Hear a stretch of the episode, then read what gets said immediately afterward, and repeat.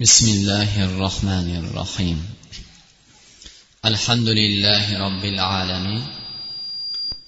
والصلاة والسلام على سيدنا نبينا محمد وعلى آله وأصحابه أجمعين. أما بعد. السلام عليكم ورحمة الله وبركاته. alloh subhanava taolo azizlar demak hammalarimizni iymonda ibodatda sobit qadam qilsin. O'tgangi va bu jumalarimizni alloh subhanava taolo bizlarni gunohlarimiz uchun kafforat qilgan bo'lsin. Va hammalarimizga ma'lumki kechagina juma edi va yana juma keldi. Rasululloh sollallohu alayhi vasallam qiyomatning alomatlari ya'ni o'sha vaqtning barakasizligi bo'lar ekan. Ya'ni alomatlardan bittasi vaqtni taqarubu zaman deganlar. Ya'ni zamonning barakasiz bo'lishligi vaqtni. Bugun ertalab tursangiz ozgina vaqt o'tmasdan kech kirishligi yoki kunlarni tez o'tishligi deb ba'zi ulamolarimiz bu hadisni sharhida shundoq ba'zi ulamolarimiz bir qovulda shundoq aytgan ekanlar demak an avsat rahimaulloh aytadilarki qola xotabana abu bakrin roziyallohu anhu faqol ya'ni abu bakr siddiq roziyallohu anhu xutba qilib aytgan ekanlarki qola قال رسول الله صلى الله عليه وسلم مقامي هذا عام الأول وبكى أبو بكر Rasululloh sollallohu alayhi vasallam men turgan mana shu joyda yilning boshida aytdilar dedilarki deb abu bakr roziyallohu anhu yig'lagan ekanlar. Sahobiy jalil rasulullohning maqomlarini eslab va ana shu maqomda qilingan aytilgan hadislarni eslab abu bakr siddiq roziyallohu anhu yig'lagan ekanlar. Faqol abu bakrin shunda abu bakr aytgan ekanlarki u zotni qavllari salullohal maafata أو قال العافية فلم يؤت أحد قط بعد اليقين أفضل من العافية رواه أحمد allohdan ofiyatlik so'ranglar ya'ni ofiyatlik nima bu sihhat salomatlik sihhat salomatlik bu insonning jasadida ham va ruhida ham sihhat salomatlik so'rashi kerak ekan. Ya'ni rasululloh sollallohu alayhi vasallam oysha onamizga so'raganlarida anna. Afu qilishlikni so'radilar kechirishlikni. Ofiyatlik masalasida ham boshqa hadislarda ham sizlar va bizlar uchun ofiyat eng ulug' ne'mat ekanki yaqindan kelgan yaqin nima? Yaqin bu allohga bo'lgan yaqin ishonch qaysi bir bandaga berilsa allohni haq ekanligiga va dinning haq ekanligiga va payg'ambarning haq ekanligiga yaqin bo'lsa ishonch ilm bo'lgandan keyin undan keyin olloh ofiyatlik bersa sog'lik salomatlik bu bandaga eng yaxshi ne'matlari bo'lar ekan. Shuning uchun rasululloh yaqindan keyin bandasiga eng yaxshi ne'mat berilmadiki bu ofiyatlikdan kelgan dedilar. Demak ofiyatlik sog'lik salomatlik birodarlar bu hamma narsadan afzal turadi. Bu hech narsa barobar bo'lmaydi. Dunyoni butun dunyoni mol dunyosini bersa ham birodarlar agar insonda ofiyatlik bo'lmas ekan qalbiy jismiy ofiyatlik birodarlar bu narsani hech qachon qadri bo'lmaydi. Va u insonni oldida hurmati ham bo'lmaydi. Demak al hasan rahimaulloh qola qola rasululloh sollallohu alayhi vasallam ما من عبد يخطب خطبة إلا الله عز وجل سائله عنها ما أراد بها bu zot aytgan ekanlarki rasululloh sollallohu alayhi vasallam aytdilar birodarlar qaysi birlaringiz ya'ni kim bo'lishidan qat'iy nazar agar bu amri bil ma'ruf va nahi anil munkar bir birodarimizga yoki ahli ayolimizga yoki farzandlarimizga birodarlar nasihat qiladigan bo'lsak albatta u haqida albatta alloh so'raydi. Qiyomat kunida u insonni o'sha so'zlagan so'zi haqida so'raladi. Hammalarimiz ya'ni qilayotgan nasihatlarimiz qilayotgan amri bil ma'ruf va nahy anil munkar yoki so'zlarimiz ta'lim tarbiya haqida bo'lsin albatta bu haqida so'raladi. Ma aroda biha bu bilan nimani istadi? So'zlashlikdan murod nima? Bu ilmini ko'rsatishlik faxrlanishlik yoki bir dunyo g'araz yoki tama uchunmi yoki olloh uchunmi? Birodarlar faqat bu domlaga ahli ilmga emas sizlarga ham. Chunki hammalarimiz ahllarimiz bor farzandlarimiz bor yori birodarlarimiz bor.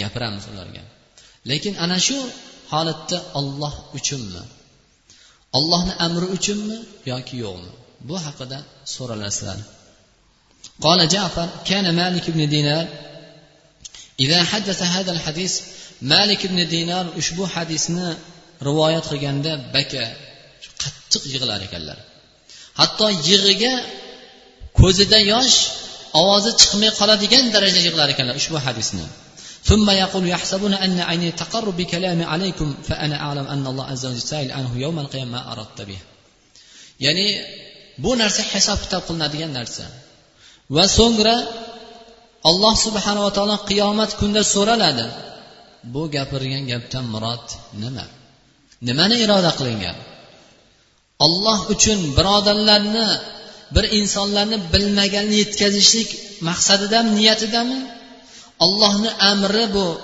Rasulini payg'ambarni amrimi bu? Yoki shon shuhrat uchun yoki obro' uchun aytilgan so'zmi? Bu haqida so'raladi deb aytar aytarkan yig'lar ekanlar. Birodarlar haqiqatan ham alloh subhanava taolo sizu bizlarni gapirayotgan gaplarimiz albatta shaksiz va shubhasiz so'ralamiz. Bunga allohni huzurida birodarlar albatta hisob kitob qilinamiz. Nima uchun? Olloh uchun gapirilganmi? Yoki bu dinni yetkazishlik maqsadida? Ya'ni bo'ynimizdagi omonatni yetkazishlik kerak ekanligi haqida so'zlandimi? Yoki yo'qmi? Bu haqida so'ralasa degan ekanlar. Shuning uchun birodarlar abu bakr roziyallohu anhu hammamizga ma'lum bo'lgan zot. Xolafay roshidinlardan bo'lgan. Va bu ummatni ummat muhammad sollallohu alayhi vasallamni eng afzal ummat eng solihi bo'lgan bu ummatda birodarlar eng afzal zot eng solih bo'lgan zot abu bakr siddiq roziyallohu anhu rasululloh sollallohu alayhi vasallamdan keyin. Demak rasululloh sollallohu alayhi vasallamdan keyin eng afzal zot bu abu bakr roziyallohu anhu. Bilasizlarmi abu bakr? Alloh subhanava taolo layl surasida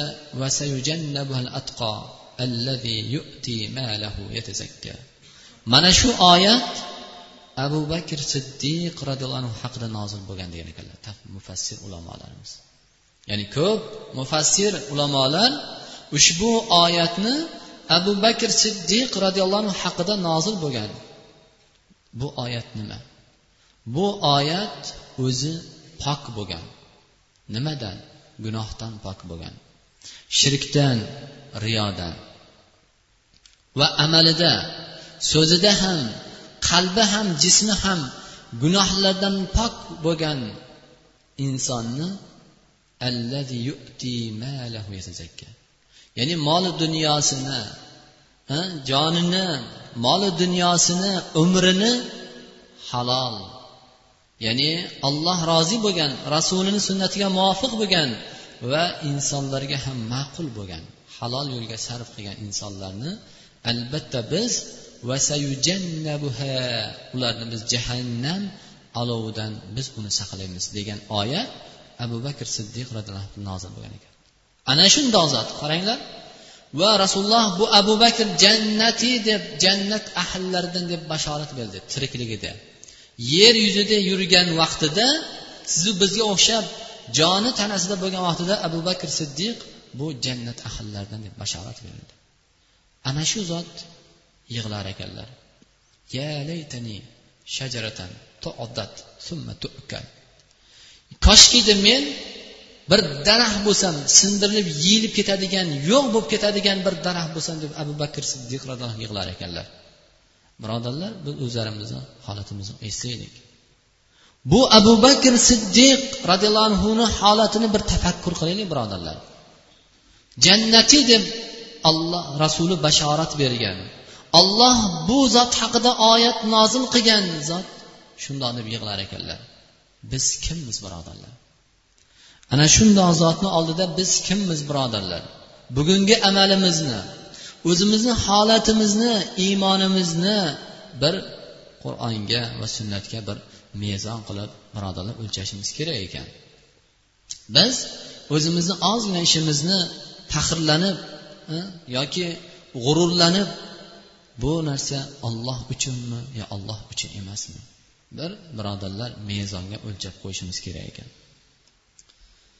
Va undan ham bir hadis ravohul bayhaqiy عن أبي سعيد الخدري رضي الله عنه قال قال رسول الله صلى الله عليه وسلم لو أن رجلا عمل عملا في صخر لا باب لها ولا كوة خرج أمله إلى الناس كائنا ما كان bu hadisda rasululloh sollallohu alayhi vasallam marhamat qilgan ekanlarki agar bir kishi bir odam bir amal qilsayu fi sohrin toshni ichida u toshni na eshigi bor na teshigi bor tuynigi bor. Undan bir qorong'u uyga kiradigan bo'lsa ignadek teshik bo'lsa ham birodarlar nima? O'sha quyoshni nuri yaltillab o'sha yerdan tushadi. Demak bilamizki qorong'u yo kech bo'lganligini ignani teshigidek bo'lgan joydan ham bila olamiz. Ana shu narsasi ham yo'q. Ya'ni ignani teshigidek hech qandoqdan nur tushadigan na havo kiradigan na eshigi na bir tuynigi yo'q bir toshni ichida bir inson amal qilsa ham haraja amaluhu ilannas odamlarga uni amali albatta oshkor bo'ladi. Kaynan makin. U yaxshi bo'lsin yomon bo'lsin degan ekanlar. Bu hadis nima birodarlar? Bu hadisni aytishdan murod hammalarimiz xoli qolganimizda ham mana shundoq dahshatlik bo'lgan bir joyda ham qilgan amalimiz xolis bo'lgan bo'lsin yoki bir gunoh ish bo'lgan bo'lsin qanaqa bo'lishidan qat'iy nazar odamlarga oshkora bo'ladigan bo'lsa birodarlar butun olamlarni biladigan zot. Daraxtdan to'kilayotgan bitta bargni ham bilib turguvchi zot amri bilan nozil tushadigan va biladigan zot alloh subhana taolo nima uchun bilinmaydi?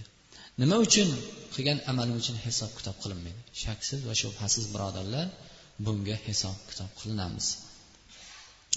Shuning uchun ibrohim ibn adhamdan so'rashgan ekanlarki fi qavlihi taala uduni astajib lakum. Ya'ni alloh subhanava taolo qur'oni karimda duo qilinglar man ijobat qilaman degan. Ya'ni duo bilasizlarmi nima? Duo bu banda muhtoj bo'lgan narsasini so'rashlik.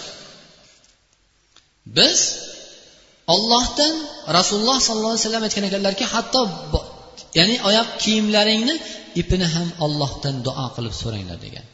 Duo shunaqa daraja bo'lishi kerak birodarlar bu nima?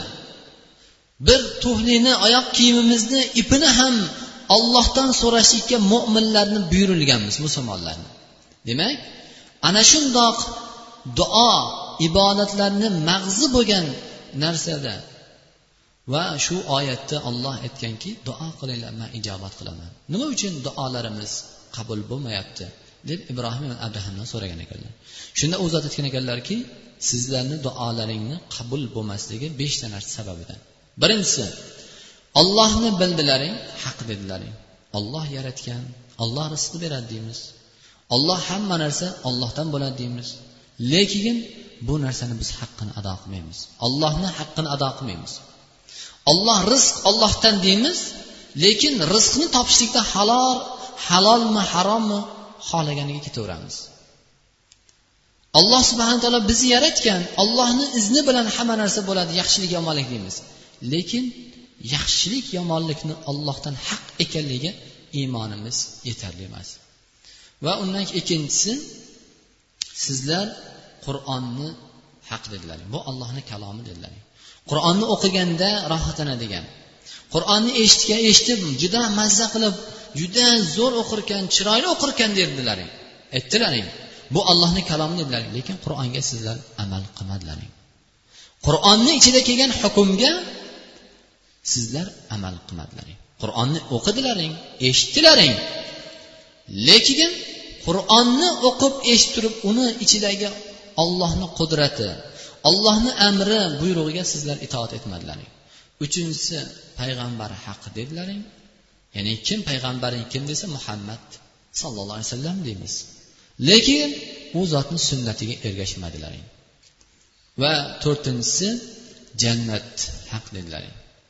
Jannatda hamma narsa inson na unda charchoq na unda mashaqqat na unda bir aziyat hech narsa bo'lmaydi. Faqat rohat farog'at dedilaring. Lekin jannat oxiratlaring uchun harakat qilmadilaring. Va beshinchisi iblis shayton dushman dedilaring.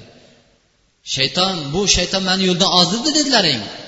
Lekin shaytonni haqiqatan ham dushman deb bilmadilaring aytgan ekanlar. Demak duolarimizni qabul bo'lmasligi shu beshta narsa sababidan ekan. Ana shu vaholanki olloh astajib lakum. Olloh birodarlar bir birodarimiz falon joyda narsa sotilyapti ekan arzon ekan juda yaxshi narsa ekan deydigan bo'lsa o'sha joyga bu birodar bir insonni sizu bizga o'xshagan insonni gapiga binoan kechasi uxlamasdan borib olib kelamiz. Yoki o'sha narsani erishishlik uchun yo'lida nima harakat qilib bo'ladigan bo'lsa uyqularimizdan ya'ni ahli ayolim farzandlarimizni huzuridan oilamizdan kechib borib kelamiz. Lekin o'sha birodarimizni ham yaratgan. Bizlarni yo'qdan bor qilib yaratib qo'ygan olloh duo qilinglar man qabul qilaman degan va'dasini birodarlar hali bizni yaqinimiz yo'q. Hali iymonimiz ya'ni bu darajaga yetmagan. Shuning uchun alloh subhanava taolo birodarlar har bir narsani albatta asos qilgan va bu narsa asos hayotni asosi demak dunyoga kelishimizga bu allohga ibodat qilishlik. Jannatni kaliti bu demak jannatga kirishlik uchun ibodat allohni va rasulini itoatida bo'lishi ekan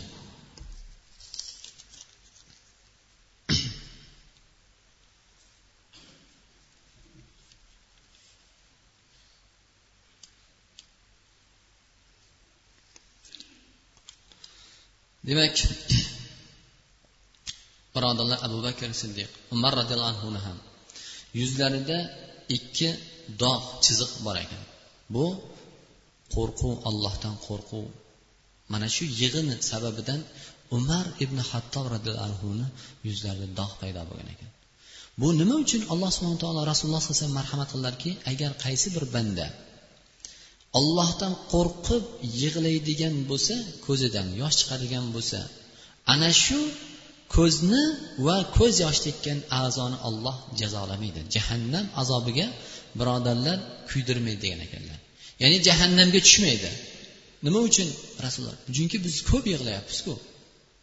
Nima uchun? Sababi taqvo bobida iymon bobida bu yig'i yig'imas ekan. Agar biz olloh uchun taqvo qilib yig'laydigan bo'lsak birodarlar bu yig'imizni rohatini lazzatini juda ko'p yillar tatib ko'ramiz. Va o'tgangi jumada ham bir birodarimiz savollari va albatta undan keyin bunga ham izn masalasida so'ralgan ekan. Ya'ni shariatda izn qandoq bo'ladi? Xonadonga kirishlik va izn so'rashlik masalasi. Bu haqida albatta biz ham o'sha rasulullohni shariatiga muvofiq hadislariga binoan javob berishlikka harakat qildik va shundoq mavzu bergan ekanlarki muhammad ashq ilohiy rahmatulloh alayh agar bironta bir odamni oldiga kirishlikni xohlaydigan bo'lsak xonadonigami yoki bir xonasigami kirishni istaydigan bo'lsak izn so'rashimiz kerak. Nima? Izn qandoq bo'ladi? Izn assalomu alaykum duxul ya'ni assalomu alaykum kirsam mumkinmi? degan ma'noda. Shar'iy izn mana shundoq bo'lar ekan. Va boshqa agar bir odam bir odamni xonadoniga kelsayu izn so'rasa uch marotaba masalan o'sha hozirgi kundagi bugungi kundagi qo'ng'iroq chalinsa yoki eshigini taqillatsa yoki uch marta chaqirib izn so'rasayu lekin ichkarida hech kim dovush bermasa birodarlar uni eshigini tagiga soatlab paylab o'tirishlik bu xilof ekan sunnatga. Uch marta izn so'raldi. Javob berilmadimi? U orqasiga qaytib ketsin degan ekanlar.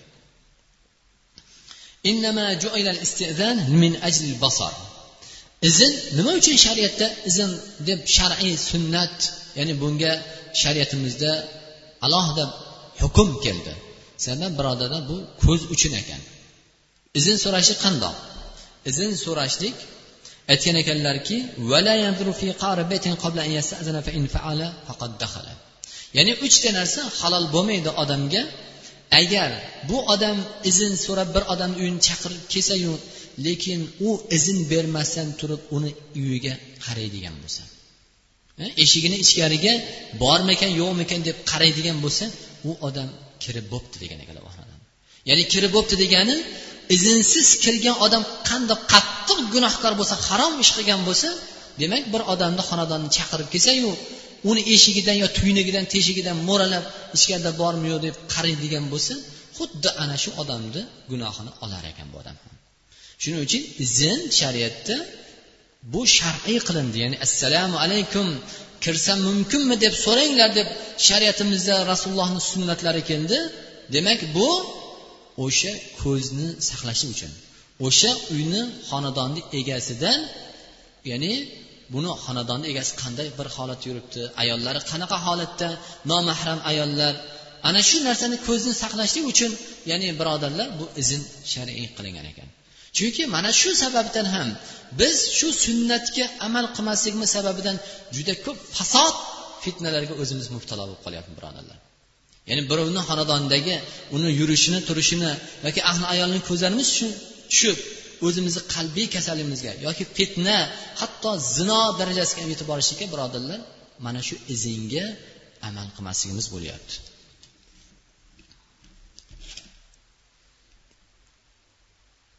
Va aytgan ekanlarki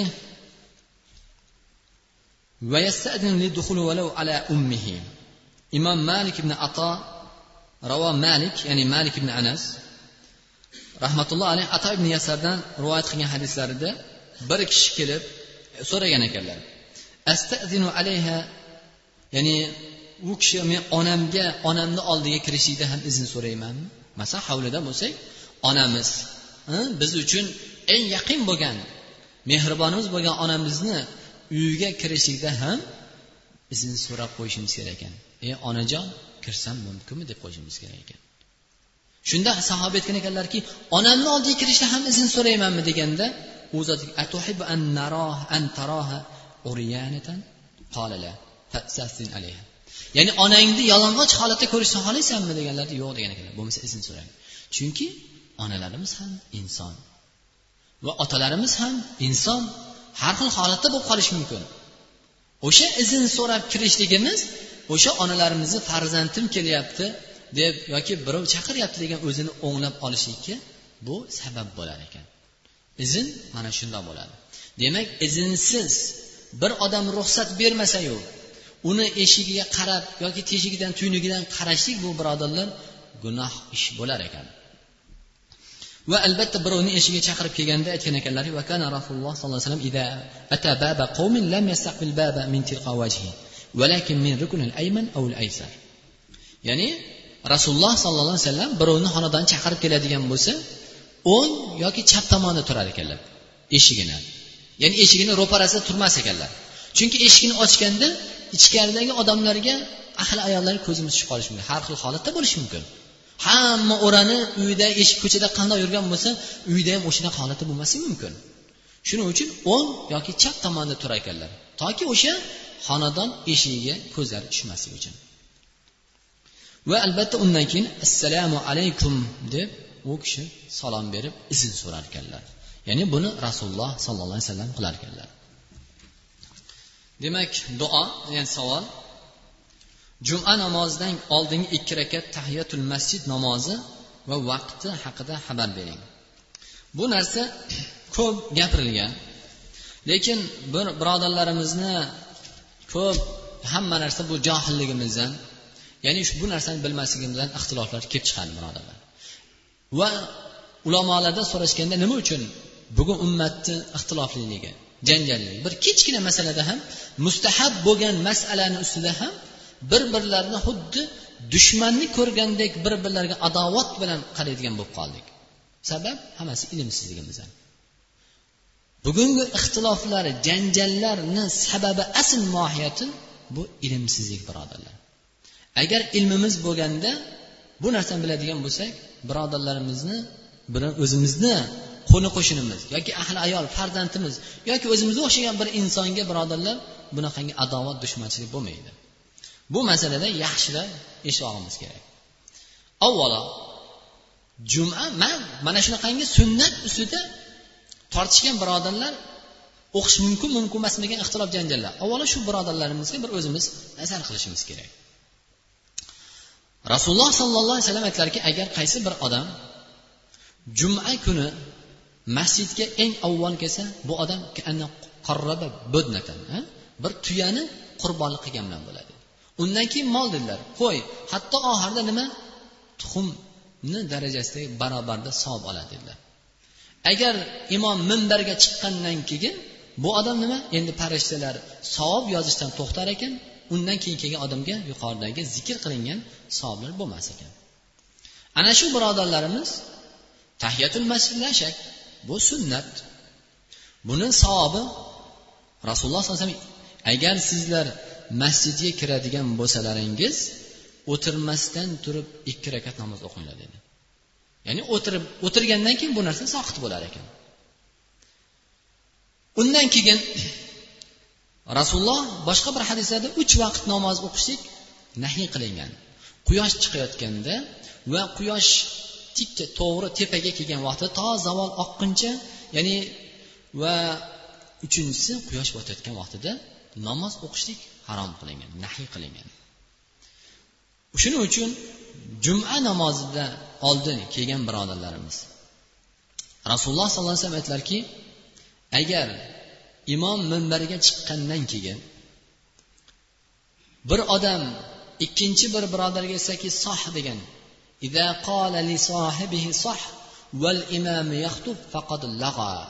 agar bir odam aytsaki birodarga imom xutba qilayotgan vaqtida deydiyu bizda jim degan. Shundoq deb aytadigan bo'lsa imom xutba qilayotgan bo'lsa bu odamni jumasi juma bo'lmabdi degan ekanlar.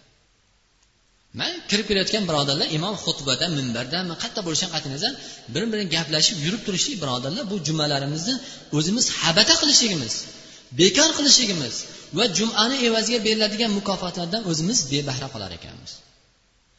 Shuning uchun mana shunaqangi haris bo'lgan sunnatga haris bo'lgan birodarlarimiz o'sha quyosh tikkaga kelmasdan qiyomga kelmasdan oldin kelib rasululloh aytganlaridek tuyani barobarida yoki eng oxiri hech bo'lmasa o'sha tuxumni barobardagi savobni erishishga harakat qilib haris bo'lish kerak.